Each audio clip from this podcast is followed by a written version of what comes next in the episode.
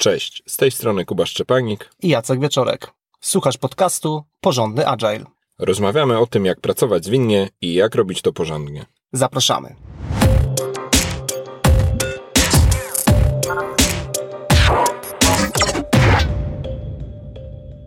W dzisiejszym odcinku poruszymy temat kosztów, jakie wiążą się z podejściem zwinnym. Porozmawiamy o tym, jakie są koszty wprowadzania podejścia zwinnego do organizacji, koszty, które moglibyśmy wiązać z transformacją zwinną, ale też koszty funkcjonowania zespołów e, zwinnych już gdy pracują w dalszym okresie czasu i skończymy odcinek e, pewnymi kosztami, które uznajemy za nieoczywiste, takie, o których rzadko się mówi. Temat jest o tyle interesujący, że dookoła nas słyszy się bardzo dużo na temat tego, jak Agile jest y, skuteczny, jak Agile jest efektywny, dlaczego warto przejść na Agile, pracować zwinnie i tak dalej. Natomiast y, w tym całym takim hypie i, i, i mm, otoczce, że wszystko będzie pięknie i kolorowo, no często zapomina się o tym, że to nie jest tak, że to podejście sobie e, bierzemy, implementujemy, mm, jakby próbujemy, próbujemy je wykorzystać w naszej firmie i to po prostu jest e, bezkosztowe. Tych kosztów jest, jak się za chwilę przekonasz, e, całkiem sporo i intencją tego odcinka jest pokazanie tej takiej, no, kosztowej, chciałem powiedzieć ciemniejszej, ale kosztowej nie, strony podejścia zwinnego. Nieodłączną częścią korzyści z podejścia zwinnego są również e, inwestycje, jakie w to podejście trzeba włożyć. Nie zapominajmy o tym, nie udawajmy, że tego, że, że te koszty nie są potrzebne. Niektóre z tych rzeczy, gdy rozmawialiśmy i budowaliśmy listę, której na razie nie będziemy ujawniać, ale będzie się w toku odcinka e, ją zapełniać, niektóre z tych rzeczy mamy poczucie, że mogą być dla niektórych z Was oczywiste, a jednocześnie y, za często spotykamy w naszej praktyce pracy y, z, z, organizacjami, że o pewnych rzeczach się zapomina, pewnych rzeczy się nie docenia, pewne rzeczy myśli się, że y, się poniesie je raz i już później nigdy nie trzeba do tego wracać. Dlatego no konsekwentnie jakby zrobiliśmy taki zrzut z naszej własnej listy wszystkiego, co nam się wiąże z kosztami, nawet jeśli niektóre z tych rzeczy są dosyć proste i oczywiste. Zdajemy sobie też sprawę, że być może są jakieś koszty, o których nie pomyśleliśmy, a są specyficzne i specyficzne dla konkretnej organizacji. Mhm. Siłą rzeczy nie pokryjemy absolutnie wszystkiego i od razu sobie to powiedzmy wprost. Taka refleksja, jaką teraz przeprowadzimy przez cały odcinek, jest e, do zrobienia w ramach każdej organizacji, e, w ramach e, rozpoczynania planowania transformacji, jak i też w toku kolejnych lat funkcjonowania Agile'a i rozmowy o tym, jakie koszty są potrzebne do poniesienia. To może zacznijmy od tych, które są, się nasuwają jako te, które uznajemy za oczywiste, ale na pewno uznajemy, że są potrzebne w ramach e, zwinności. Pierwszym kosztem, który, który warto rozważyć, w szczególności jeżeli chcemy podejść do podejścia zwinnego w sposób profesjonalny, być przygotowanym na to, żeby sensownie z tego podejścia skorzystać, e, są koszty szkoleń. E, szkoleń w rozumieniu takim, że jesteśmy w stanie ponieść koszt tego, że konkretne osoby e, z firmy e, spędzą określoną ilość dni szkoleniowych, podczas których zdobędą wiedzę, często podstawową, e, która pozwoli im po pierwsze zrozumieć, czym jest podejście zwinne, zrozumieć, czym się różni od podejścia klasycznego oraz szkolenia te pozwolą dostarczyć jakichś takich podstawowych y, narzędzi i pomogą osobom, które na tych szkoleniach y, będą, y, wyjść z takim poczuciem, że mniej więcej już wiedzą, o co chodzi z podejściem zwinnym. No idealnie, gdyby te osoby wyszły z takim zestawem startowym, pozwalającym im rozpocząć pracę w inny sposób.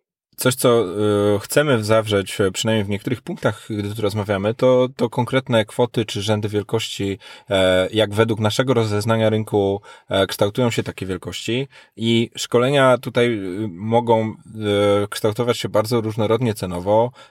Tak okrągło mówiąc, bym powiedział, że to może być od jakby od do kilku tysięcy za uczestnika takiego mhm. szkolenia czy warsztatu, przy założeniu, że to jest e, warsztat bardzo wysokiej jakości, e, prowadzony przez e, bardzo doświadczonego trenera z dużym doświadczeniem pracy w różnych kontekstach.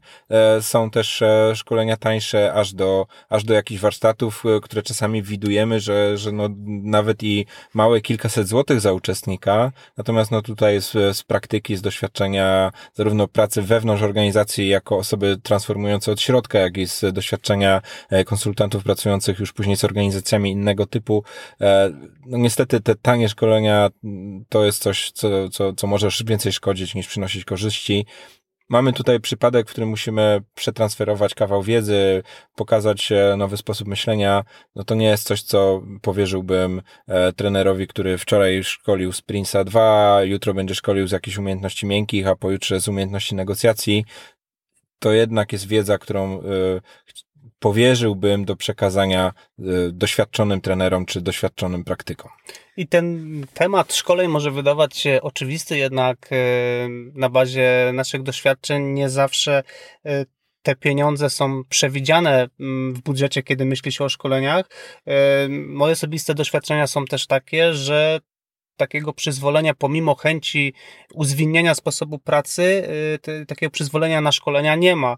I wtedy zaczyna się y, no, nie, niełatwa praca dla osób, które wchodzą w rolę lidera zmiany, czy to są y, menadżerowie, czy to są scrum masterzy. Tak naprawdę rola tutaj ma mniejsze znaczenie, no bo te osoby zaczynają kombinować, co zrobić, żeby pomimo braku budżetu te szkolenia jakoś przeprowadzić, jakąś tą wiedzę do firmy dostarczyć. E, moje doświadczenie jest takie, że te braki wiedzy, one prędzej czy później wyjdą, no i zwykle te koszty tego, że tej wiedzy na początku nie dostarczyliśmy, są duże. Po prostu zaczynamy myśleć, że pracujemy zwinnie, tak naprawdę to ma niewiele wspólnego z winnością, ze zwinnością, no i w efekcie te efekty w ogóle nie są spektakularne, no i zaczyna się dyskusja na ten temat, czy, czy w ogóle ten cały agile działa, no skoro robimy i jest jakby zupełnie inaczej niż, niż byśmy się spodziewali. Tak patrząc na temat szkoleń po menedżersku, no to jednym z możliwych e, sposobów, zwłaszcza dla dużych organizacji, to jest zatrudnienie osób do organizacji, wśród których obowiązkiem będzie między innymi organizowanie takich szkoleń, Czasem to wyjdzie, czasem nie wyjdzie. Nie będę w to wchodził teraz głębiej, bo akurat doświad osoby doświadczone z zewnątrz, zatrudniane do firmy, to jest jeden z tematów, jeden z kosztów, który, o który wspomnimy zaraz na, e, w kolejnych punktach. Jeden ze sposobów, czy takich popularnych e, praktyk, jedną z takich popularnych praktyk na e, temat transferowania wiedzy to też są szkolenia online. Tu zdecydowanie przestrzegam przed takimi pomysłami to jest zbyt praktyczna wiedza, czy zbyt praktyczne podejście, żeby uczyć się tego po prostu poprzez zobaczenie jakichś slajdów w internecie, przeczytanie jakiejś jednej książki, czy wysłuchanie jakiegoś filmiku. To naprawdę w ramach dobrze poprowadzonego warsztatu trzeba przeżyć, przećwiczyć, popróbować, e, podyskutować, być może też z prowadzącym, powymieniać się jakimiś doświadczeniami. Zdecydowanie formuła takiego klasycznego e-learningu online'owego to nie jest kierunek, to nadal jest jakiś koszt, ale jeśli chcemy poświęcić mhm. kilkadziesiąt czy, czy małe kilkaset złotych na takie coś, to, to, to moim zdaniem jest zmarnowana kasa.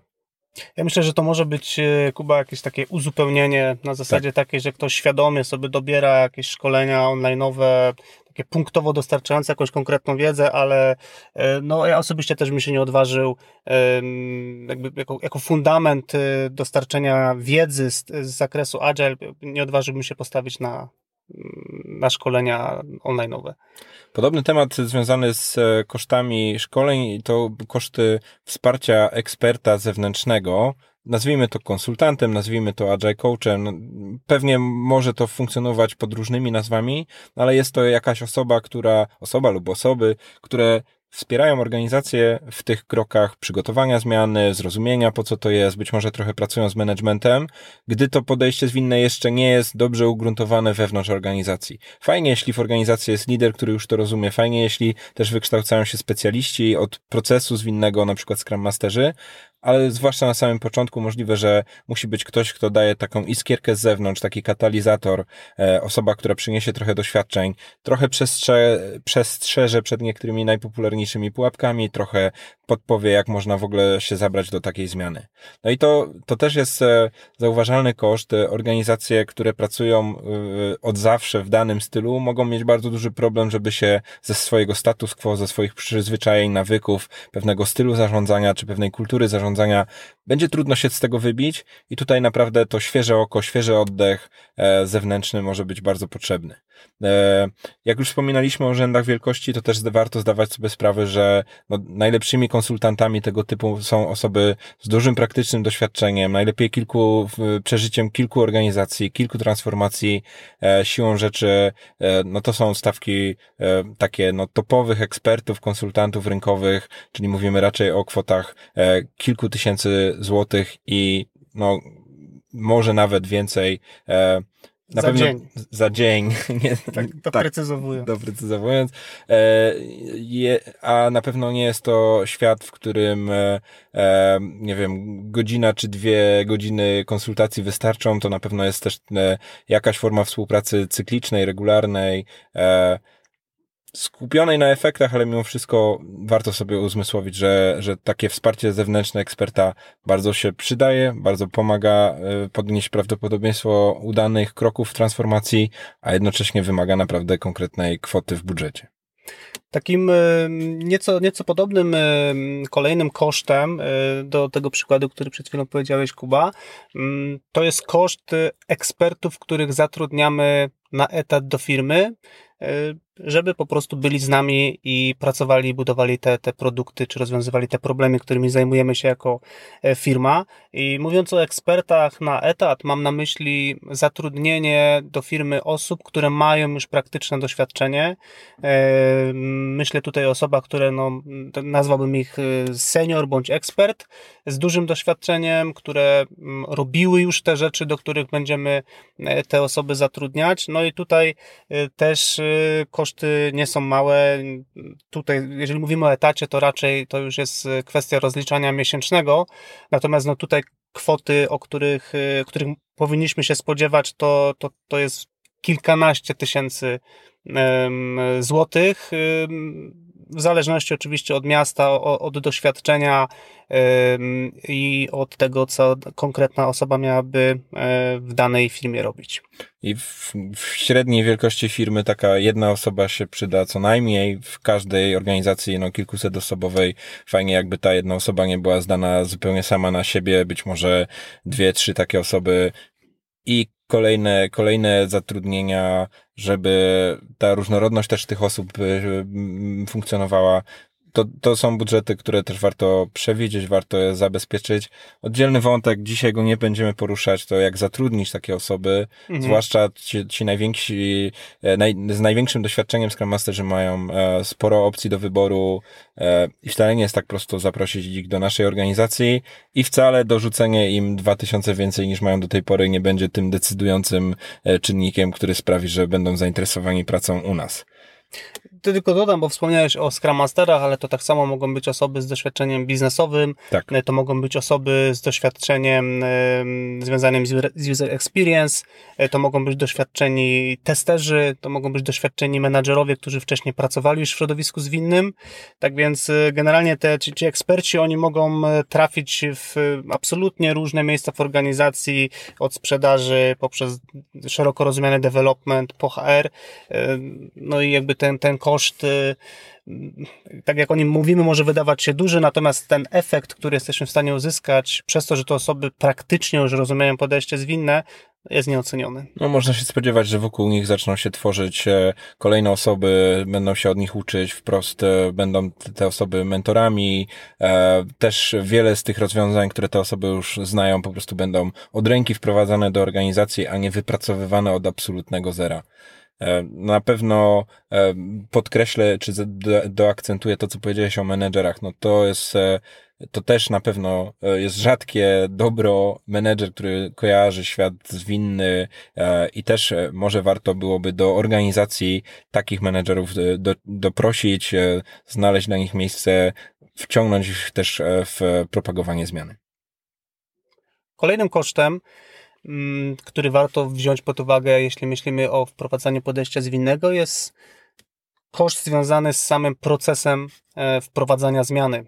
Zwykle wprowadzanie zmian, zmiany wiąże się z tym, że tą zmianą w jakiś sposób Mm, chcemy zarządzić, tą zmianę chcemy w jakiś sposób przygotować, y, tą zmianę chcemy komunikować do firmy. Ta zmiana może być powiązana z serią najróżniejszych y, wydarzeń, eventów, y, pewnych konkretnych akcji. No i zwykle na koniec dnia okazuje się, że te wszystkie najlepsze pomysły, które mamy w głowie na to, jak pomóc firmie, pomóc pracownikom przejść przez proces zmiany, no to te, te aktywności potrafią kosztować pierwszy przykład z brzegu. E, wyobraźmy sobie, że chcemy y, zaprosić do firmy osobę, która ma już doświadczenie w podejściu zwinnym. Chcemy, żeby przyszła do firmy, żeby podzieliła się historiami, inspiracjami, jak to może wyglądać, no to już na, na dzień dobry musimy zabezpieczyć budżet. Znów liczę, liczony, myślę, się Kuba zgodzisz w tysiącach złotych, tak. E, na to, żeby taka osoba przyjechała do firmy, spędziła z jakąś konkretną grupą osób e, zarządzającą zmianą ileś tam czasu. E, no i to po prostu jest też koszt, który gdzieś tam należałoby przewidzieć, jeśli myślimy na poważnie o, o przeprowadzaniu zmiany. Rozszerzając ten przykład, e, jedny, jeden temat to mogą być e, jakieś formy eventów, czy spotkań inspiracyjnych, czy jakichś e, warsztatów, sesji pytań, odpowiedzi, coś tego typu, ale też zwłaszcza w większej organizacji to się okaże, że po przemnożeniu przez wolumen powtórzeń różnego typu gadżetów, plakatów, różnego rodzaju narzędzi komunikacji zmiany, mhm. to też się okaże, że, że to jest niepomi- że, to, że to jest niepojmijalny budżet, że tutaj fajnie zainwestować w jakieś e, być może właśnie gadżety. E, takim popularnym gadżetem, chociaż trochę, trochę kontrowersyjnym, to mogą być na przykład karty do planning pokera, to mogą być jakieś plakaty z e, konkretnymi metodami, czy to z manifestem Agile, czy z na przykład jakimiś schematami, jak funkcjonuje Scrum. No to wszystko się okaże, że akurat tu to są może i drobne kwoty per pojedynczy plakat, no ale jeśli chcemy dać każdemu zespołowi albo we wszystkich możliwych lokalizacjach naszej firmy to porozklejać, to też się okaże, że po przemnożeniu wyjdą e, pewnie też tysiące, kilkanaście lub nawet na bogato w wariancie nawet kilkadziesiąt tysięcy złotych.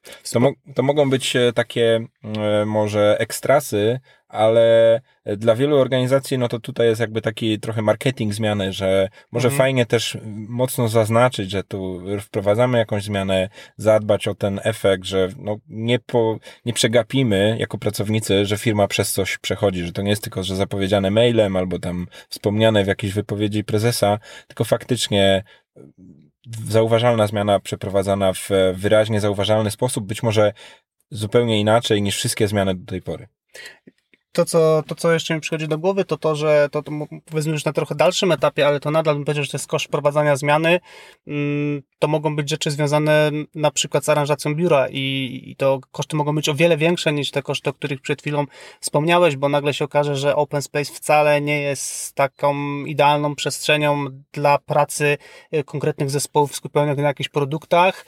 No i się okaże, że trzeba e, albo chcemy przerobić biuro bardziej na, nazwijmy to jakieś tam pokoje czy przestrzenie, gdzie zespoły mogą zarówno pracować, jak i przeprowadzać najróżniej, naj, najróżniejsze spotkania, eventy i warsztaty. No i tutaj koszty modernizacji e, biura no, no, no mogą być absolutnie nieprzewidywalne na tym etapie, gdy zastanawiamy się w ogóle, czy fajnie byłoby popracować zwinnie.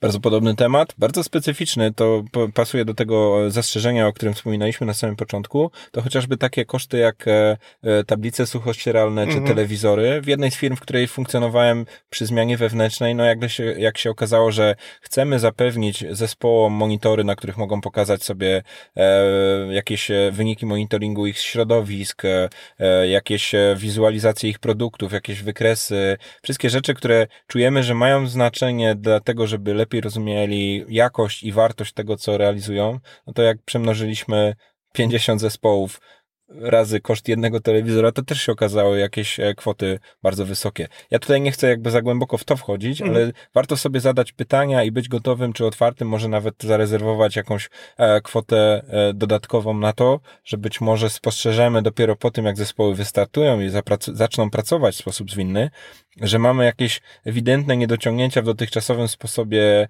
e, funkcjonowania czy wyposażenia zespołu w jakiś taki pakiet podstawowych narzędzi, czy podstawowych może udogodnień, bo to, to mhm. jeszcze nie są narzędzia, to są bardziej udogodnienia, które po prostu po kolei kolejne osoby będą zwracały uwagę, że no fajnie byśmy zwizualizowali backlog, ale nie mamy do czego go przylepić. Albo no pokazalibyśmy monitoring środowisk i, i, i continuous integration, ale niestety jedyne co mamy do dyspozycji to nasze bardzo małe monitory. No inny przykład, chcielibyśmy pomimo pracy w środowisku rozproszonym budować integrację e, zespołu, no i pada pomysł, no to włączajmy kamery i okazuje się, że mój laptop nie ma kamery, a moja kamera nie działa, a w tej salce też nie ma żadnej kamery. E, no i okazuje się znów, tak jak mówisz, po przemnożeniu przez 150 osób, no, że ten koszt zaczyna być znaczny. Przed chwilą wycofałem się ze stwierdzenia, że mogą być koszty narzędzi, bo to jest w zasadzie osobna kategoria. E, nie chcemy wywoływać świętej wojny, ale prosta rzecz to na przykład wielu osobom kojarzy się podejście zwinne z wykorzystaniem narzędzia takiego jak Jira nie wchodząc w dyskusję, czy tak jest, czy nie jest, najzwyczajniej w świecie, jeśli zdecydujemy się na jakieś rozwiązanie takie biznesowe czy firmowe, na bazie którego zespoły będą pracować, będą w nich trzymać backlogi, będą może notować jakieś zadania do wykonania, żeby też uzyskać jakąś może przejrzystość, może jakieś narzędzia do śledzenia e, budżetów, cokolwiek, tam się może okazać, że narzędzia, których wykorzystywaliśmy do tej pory, nie dadzą nam wystarczającego wsparcia, żebyśmy mogli pracować w sposób zwinny. No i albo musimy się zdecydować na rozwiązania e, takie, no powiedzmy średnie albo nieoptymalne, albo faktycznie trzeba doinwestować, dokupić licencji, e, do, czy, po, czy, posta- czy wykupić licencję e, na naszej infrastrukturze. No i Jira jest e, jednym przykładem tego typu lub jakiegokolwiek innego typu narzędzia do trzymania backlogów, ale to mogą, może się też okazać, że duże niedociągnięcia do tej pory były po stronie narzędzi deweloperskich. No i jeśli, jeśli mówimy tutaj o Scrumie w kontekście IT, no to może się okazać, że zarówno narzędzia do e, repozytorium kodu, do, do przeglądu kodu, e, narzędzia do trzymania wiedzy, jak jakaś forma wiki, te wszystkie rzeczy może się okazać, że były do tej pory niedoinwestowane i będzie bardzo trudno efektywnie współpracować z zespołom, jeśli wspólnych ogólnofirmowych czy międzyzespołowych narzędzi tego typu nie będzie. To taki przykład spoza IT, wszelkiego rodzaju takie narzędzia wspomagające telekonferencje, czy wspólne tworzenie dokumentów.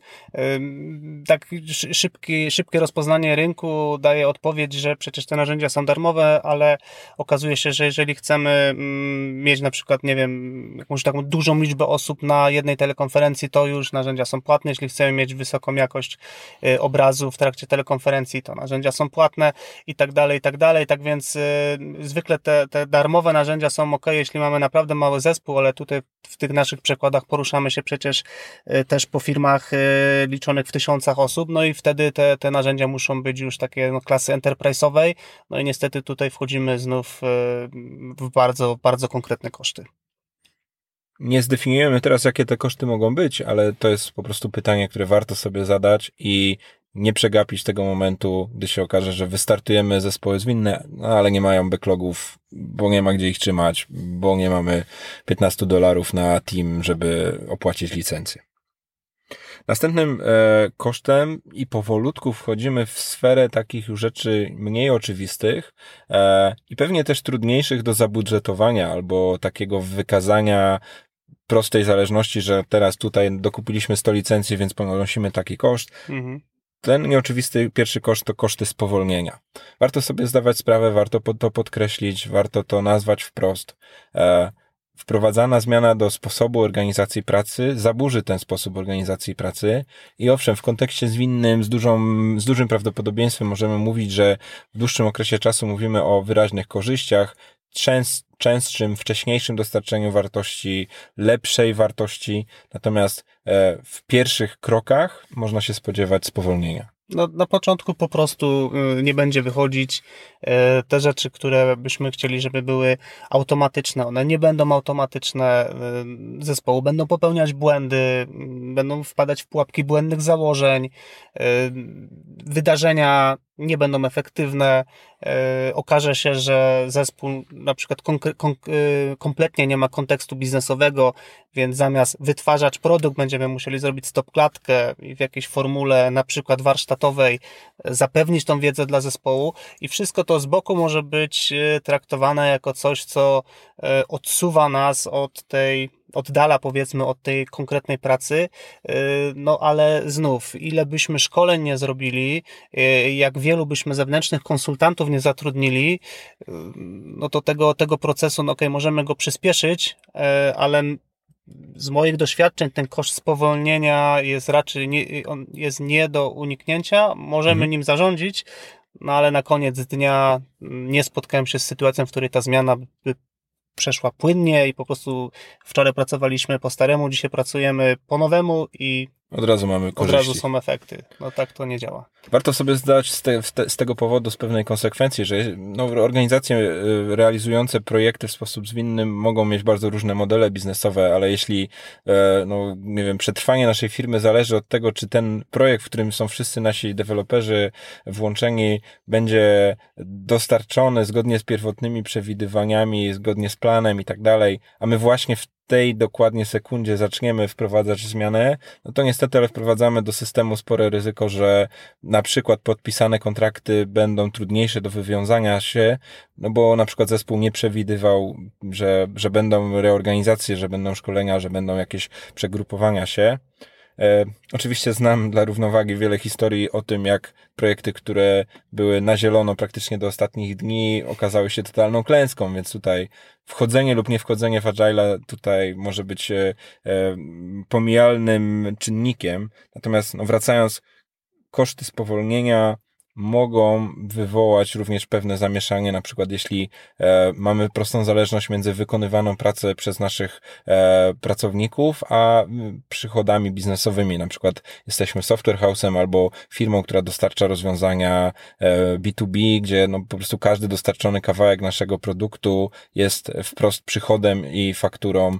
E, tu może się okazać, że będzie jakieś zamieszanie i warto sobie na to warto sobie zdawać z tego sprawę i to uwzględnić w ewentualnych planach. Kolejną kategorią, nazwijmy to mniej oczywistych kosztów, są koszty związane z wszystkimi odkrytymi e, obszarami, które wymagają usprawnień. E, zwykle to wygląda w ten sposób, że mm, zespoły i ogólnie firmy, które decydują się na mm, wejście na ścieżkę e, zwinną, no w naturalny sposób na skutek chociażby częstych retrospektyw e, bardzo szybko są w stanie zidentyfikować problemy, które stoją na drodze do efektywnej pracy. I bardzo często mm, te problemy, które się pojawiają, one też mają swój konkretny koszt. Czyli przykładowo e, zespół pracujący e, w firmie IT mm, może mieć potrzebę uzyskania oddzielnego środowiska testowego, żeby móc w spokoju, w takiej nazwijmy to izolacji, testować swoje zmiany, będąc niezależnym od zespołów mm, zewnętrznych. E, takie środowisko e, musimy postawić. E, na tym środowisku być może będziemy potrzebowali zapłacić kolejne licencje za narzędzia, z których korzystamy. Te, te środowiska będziemy musieli monitorować. No i znów, jeżeli przemnożymy to przez kilkanaście czy kilkadziesiąt zespołów, okazuje się, że ten koszt y, jest y, potężny, a to tylko pierwszy przykład y, z brzegu. I oczywiście te, w różnych kontekstach te środowiska da się na różne sposoby rozwiązać, ale to jest tylko pojedynczy przykład. Nie, nie będziemy mieli pewności, co te zespoły nam odkryją i niezwykłym zagrożeniem, ale widywaliśmy takie niebezpieczne sytuacje, no to zespół wpada na pięć pomysłów na usprawnienia, po czym się okazuje, że na pierwszy nie ma budżetu, na drugi musimy poczekać, na trzeci nie ma zgody, e, czwarty w zasadzie to jednak byśmy te, lepiej, żebyśmy tego nie robili. I się okaże, że no w sumie po co nam ten cały agile, jak się nic nie zmienia, bo nie można wykonać żadnych usprawnień, no będą usprawnienia, które zależą od zmiany sposobu funkcjonowania zespołu, komunikacji, może jakiejś reorganizacji, czyli takie rzeczy bezkosztowe, ale ewidentnie, na pewno będą też rzeczy, które są kosztowe. No i tu wielką rolą menedżerów jest z jednej strony zabezpieczyć jakiś budżet, jakieś środki, przewidzieć na to, że, że jest jakieś pole do usprawnienia w naszej organizacji, bo na pewno jest, a z mhm. drugiej strony też być elastycznym w trakcie trwania e, na przykład roku budżetowego, e, czy przy, w kolejnych jakichś rundach planowania, być otwartym na to, że być może zespoły dopiero będą odkrywać w trakcie biegu jakiegoś okresu, że pewne rzeczy są potrzebne. No i tutaj też e, dalej będzie rolą, rolą menedżerów, żeby wesprzeć tą zmianę poprzez reagowanie na pojawiające się zupełnie niespodziewane potrzeby. Kolejnym takim e, kosztem, a właściwie takim mitem, który chcieliśmy e, dzisiaj poruszyć, jest mit dotyczący kosztów związanych e, ze spotkaniami. W bardzo wielu firmach e, doświadczamy takiej reakcji, kiedy rozmawiamy o tym, jak zespoły będą pracować, że tylko ten czas, który jest faktyczną, fizyczną pracą, jest traktowany jako czas e, spędzony w efektywny sposób, natomiast wszystkie te, te cały ten czas, który zespół spędza nie pracując w sposób efektywny, tak w cudzysłowie przy maszynie, tylko na przykład e, porządkując backlog produktu, rozmawiając o, o planach produktowych, e, o roadmapach, e, o kontekście biznesowym, to jest traktowane jako spotkanie. Tak, w takim znaczeniu, że to jest czas, kiedy siedzimy i to jest czas e, nieefektywny. No i dlaczego w tym agile'u tak dużo tych spotkań, czyli tej nieproduktywności. Jak jesteśmy w kontekście kosztowym czy budżetowym, no to spotykałem menedżerów, którzy e, budżetowali przyszły rok z rozbiciem na projekty, które zrealizujemy i spotkania skramowe. Jakby spotkania skramowe były czymś osobnym, jakimś in, od, oddzielnym bytem, który, e, który nie jest e, projektem, który nie jest pracą nad produktem. Stąd i może właśnie teraz trochę zaironizowałem, stąd nazywamy to mitem że jeśli rozliczamy pracę taką na przykład efektywny czas kodowania programisty mhm. albo tam praca jakiegoś analityka skupiającego się nad danymi, no to jeśli liczymy tą pracę netto bez popatrzenia na to, że ta osoba po prostu musi się komunikować z zespołem, widzieć e, kontekst, no to będzie ciężko to zabudżetować i wpędzimy się zupełnie w zbędną pułapkę.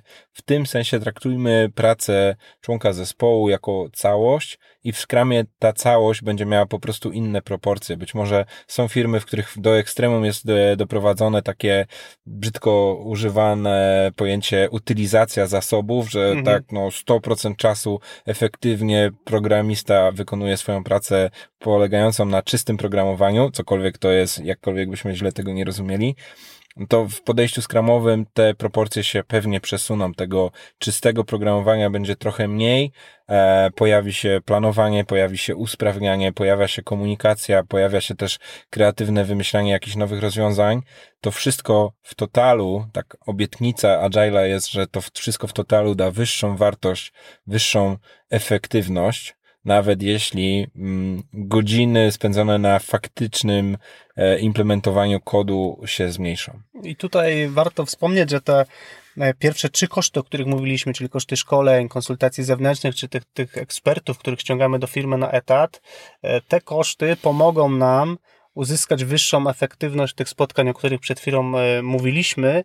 E, no, poprzez... Czy szerzej całej pracy nad rozwojem produktu? Tak, właściwie można powiedzieć szerzej, poprzez to, że te osoby już konkretnie wiedzą, z jakich konkretnych narzędzi korzystać, wiedzą, jak tego rodzaju e, pracę można organizować tak, żeby ona była taka, że e, wchodzimy na takie, czy, czy jakby rozpoczynamy jakieś zagadnienie, wszystko jest poukładane, przygotowane, mamy jakąś określoną strukturę, robimy to i kończymy z jakimś sensownym efektem, bez poczucia, że to jest rozla, rozlazłe, nie, niezarządzalne, e, że zbaczamy z tematu. Tak więc jakby ten, ten, ten, ten mit, czy ten koszt, o którym powiedzieliśmy, mm, go można zniwelować też sensownie, dokonując pewnych inwestycji na początku.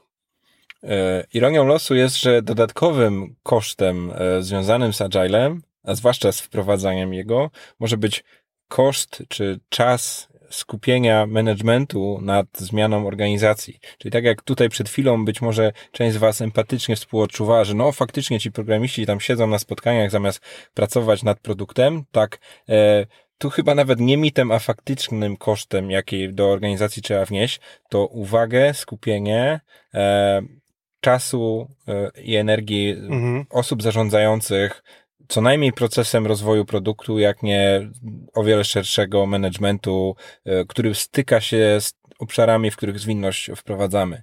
I to będzie po pierwsze energia włożona w to, żeby ta inicjatywa e, została uruchomiona, wiele inicjatyw bardzo cierpi na nieregularnym poświęceniu czasu menedżerów, więc to nie tylko czas, ale też również jakaś cykliczność regularność poświęcania uwagi zespołom, e, właścicielom produktu, Scrum Masterom, być może jakaś, e, jakaś forma ciągłego inspirowania, ciągłego komunikowania różnych rzeczy.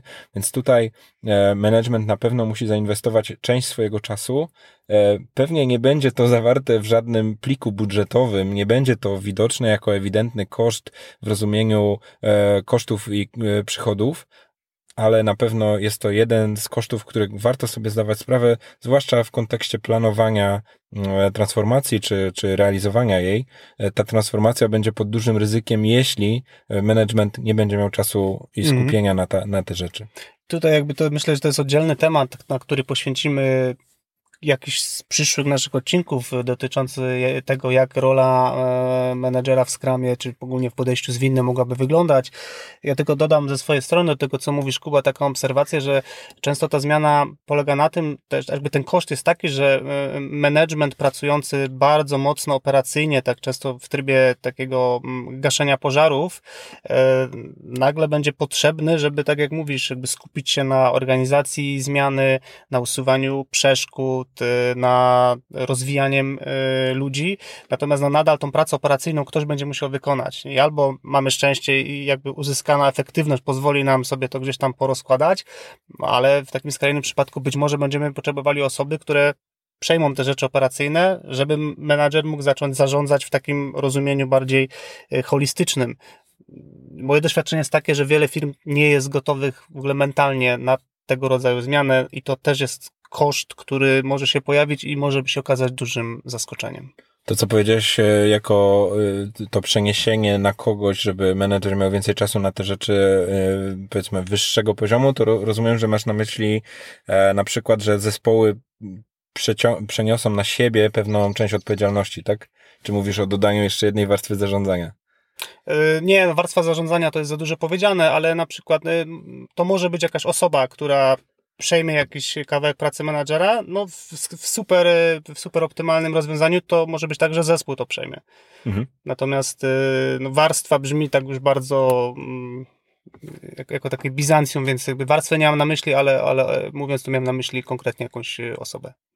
E, uogólniając, to na pewno jest tak, że cała ta sfera zarządzania zmieniająca się w ramach zwinności może wymagać też nie tylko zmiany sposobu funkcjonowania zespołów, ale przebudowa sposobu zarządzania organizacją, e, reorganizacja stanowisk, być może e, odkrycie, że jakiś obszar jest niedoinwestowany, w jakimś obszarze e, potrzebne są zmiany struktury zarządzania i procesu zarządzania. Kolejnym nieoczywistym kosztem, na który warto być gotowym, przygotowanym, albo po prostu warto go rozważyć, jest koszt związany z tym, że pewne osoby z firmy na skutek przeprowadzania zmiany mogą zdecydować się na odejście. I może być to problematyczne z wielu względów. Yy, natomiast taki szczególny przypadek, który, który myślę, że warto tutaj poruszyć, jest taki, że mogą to być osoby, które dotychczas były bardzo istotne z perspektywy mm, funkcjonowania firmy. To mogą być eksperci, którzy posiadają e, bardzo unikatową e, wiedzę. To mogą być osoby, które jako jedyne w firmie są w stanie zapanować nad jakimś obszarem e, biznesu. I w przypadku, gdy konkretnie te osoby mm, nie poczują, że ta zmiana jest y, sensowna i że z nimi rezonuje, y, no to mogą zdecydować się na odejście i wtedy firma może faktycznie stanąć przed sytuacją, w której e, mamy problem, bo mm, kilku naszych ekspertów y, zdecydowało się, że nie będzie uczestniczyć z nami w procesie zmian, no i decydują się odejść. E, no i to może być jedna osoba, to mogą być dwie osoby, to może być kilkanaście osób, w zależności od skali firmy.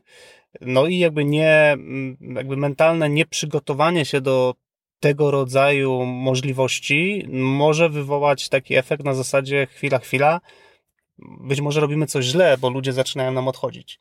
Samo zadanie sobie to pytanie, tego pytania akurat jest bardzo korzystne, bo może faktycznie jest robione coś źle, ale no kontrowersja może tutaj polegać na tym, że faktycznie, e, zwłaszcza takie, taki status na przykład jednoosobowej gwiazdy, która trzyma na swoich barkach cały kawał na, modułu w naszym systemie, albo jakiś niezastąpiony ekspert, który nigdy nie doczekał się, czy nie do, nie, nie, nie wykształcił, nie wychował swoich e, następców, jakichś seniorów, juniorów, e, którzy podobny potencjał mają do tej osoby. E, no, widzieliśmy takie jednoosobowe silosy w niektórych organizacjach. Takie jednoosobowe silosy niestety nie współgrają w żaden sposób z podejściem zwinnym. Mhm. E, te osoby są e, problematyczne we współpracy i same te problemy też generują w, w którymś momencie albo one same czują, że im to nie pasuje, albo zespoły nieśmiało zasygnalizują, że tutaj coś nie gra. No i firma będzie przed e, ciężkim, ciężkim dylematem. Warto sobie z tego zdać sprawę. E, I to jest jedna z decyzji menedżerskich, które trzeba głośno nazwać, że wejście w podejście zwinne może wiązać się z utratą pewnych osób, którym praca w sposób zwinny nie pasuje. No i mają wybór. E, te osoby, zwłaszcza w świecie IT, zawsze znajdzie się miejsce na bycie samodzielnym indywidualistą. Być może nie w naszej organizacji, a do tej pory to tolerowaliśmy. I ostatnim kosztem, o którym chcielibyśmy powiedzieć, wydaje mi się, że to jest taki najbardziej mm, nieoczywisty i trudny do przewidzenia e, koszt. Jest to koszt, który nazwaliśmy sobie z Kubą koszt zawiedzionych nadziei. Myślimy tutaj o, o sytuacji, w której mamy zespół, osoby zaczynają pracować w inny sposób, e, zaczynają lepiej rozumieć kontekst biznesowy, czują, że faktycznie dostają więcej y, wolności, więcej autonomii w kontekście podejmowania decyzji, y, rozpoczynają pracę, zaczynają docierać jako zespół, zaczynają dostrzegać pierwsze efekty, usprawniają się. Widać z boku, że ta praca zaczyna sprawiać radość, a jednocześnie, że pojawiają się pierwsze efekty. I teraz zwykle jest tak, że te zespoły mają coraz większy apetyt na to, żeby się usprawniać, żeby mm, pokonywać granice, żeby negować status quo. Zaczynają czuć taki wiatr w żaglach, y, który jest y, motorem napędowym. I teraz, jeżeli te zespoły wychodząc z inicjatywami usprawniającymi, z nowymi pomysłami, jeżeli te zespoły wielokrotnie zderzą się z jakąś ścianą, e, z odmową, e, okaże się, że nie można, bo tutaj tak zawsze było, nie, bo procedura, bo to, do tamto, może się okazać bardzo szybko, że po paru takich nieudanych podejściach do zrobienia czegoś naprawdę fajnie, zrobienia czegoś w sposób taki zupełnie inny niż dotychczas robiliśmy, no w zespole może, może narodzić się mm, demotywacja, zwątpienie, zniechęcenie, e, morale w widoczny sposób zaczną spadać, no a w skrajnym, w skrajnym przypadku, takim e, dosyć ekstremalnym, po prostu te osoby mogą zdecydować się, że nie chcą już pracować w inny sposób, no i w konsekwencji mo może się okazać, że zaczną szukać wyzwań poza strukturą aktualnej firmy dobrze nakręcone nadzieje, o których tutaj mówimy, że zostaną zawiedzione, to jest jak e, pigułka z e, Matrixa. Dostajemy pigułkę świadomości, e, zaczyna nam już smakować to inne podejście, zaczyna nam smakować ta i metoda, i kultura pracy, i pewne, pewne nowe rutyny, które się, do których się fajnie jest przyzwyczaić i i niestety raczej ciężko się już z nich wycofać. Warto sobie z tego zdawać sprawę.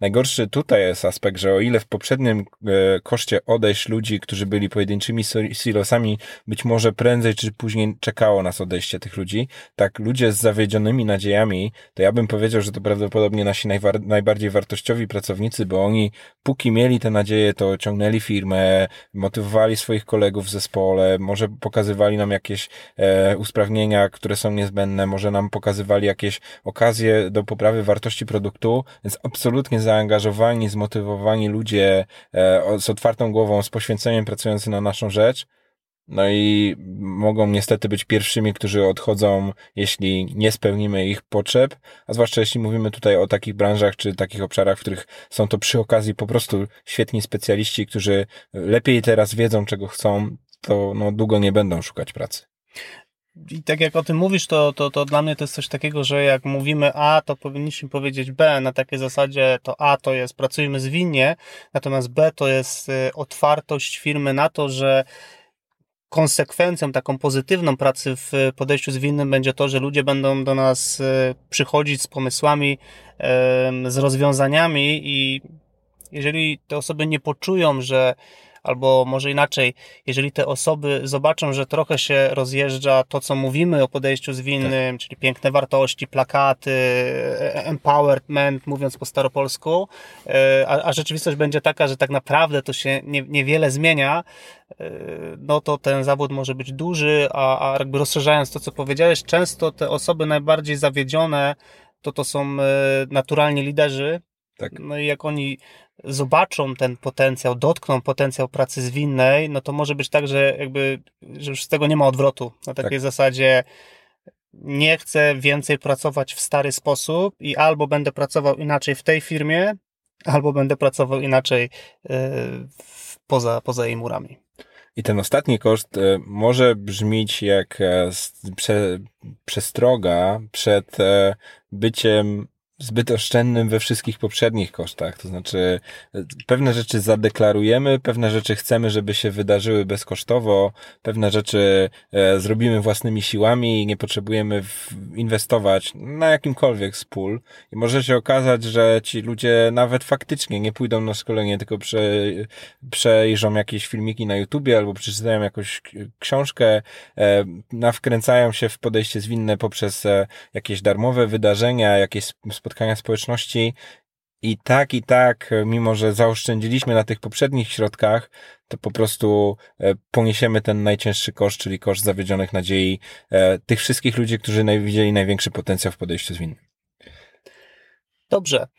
W dzisiejszym odcinku powiedzieliśmy e, o kosztach podejścia zwinnego, zaczynając od takich powiedzmy oczywistych kosztów wejściowych, jak szkolenia, koszt konsultacji zewnętrznych, czy koszt ekspertów, których chcemy zatrudnić z wiedzą, idąc w koszty wprowadzania zmian, koszty narzędzi, e, koszt spowolnienia pracy, mm, koszty związane z tym, że pojawią się na naszej drodze jakieś usprawnienia, których usunięcie też no, nie, jest, nie jest darmowe. Wspomnieliśmy też o micie kosztów spotkań związanych ze Scrumem, oraz y, prawdziwym, realnym koszcie związanym z tym, że zmiana będzie wymagała skupienia i energii i czasu warstwy zarządzającej w organizacji. Dodatkowo powiedzieliśmy o kosztach związanych z odejściami. Mogą się pojawić osoby, które zechcą odejść z naszej firmy. No i ten taki najbardziej dramatyczny koszt, czyli koszt zawiedzionych nadziei. Na ten moment to wszystko, co zaplanowaliśmy w tym odcinku. Dzięki za Twoją uwagę. Dzięki Jacek. Dzięki Kuba. I do usłyszenia wkrótce.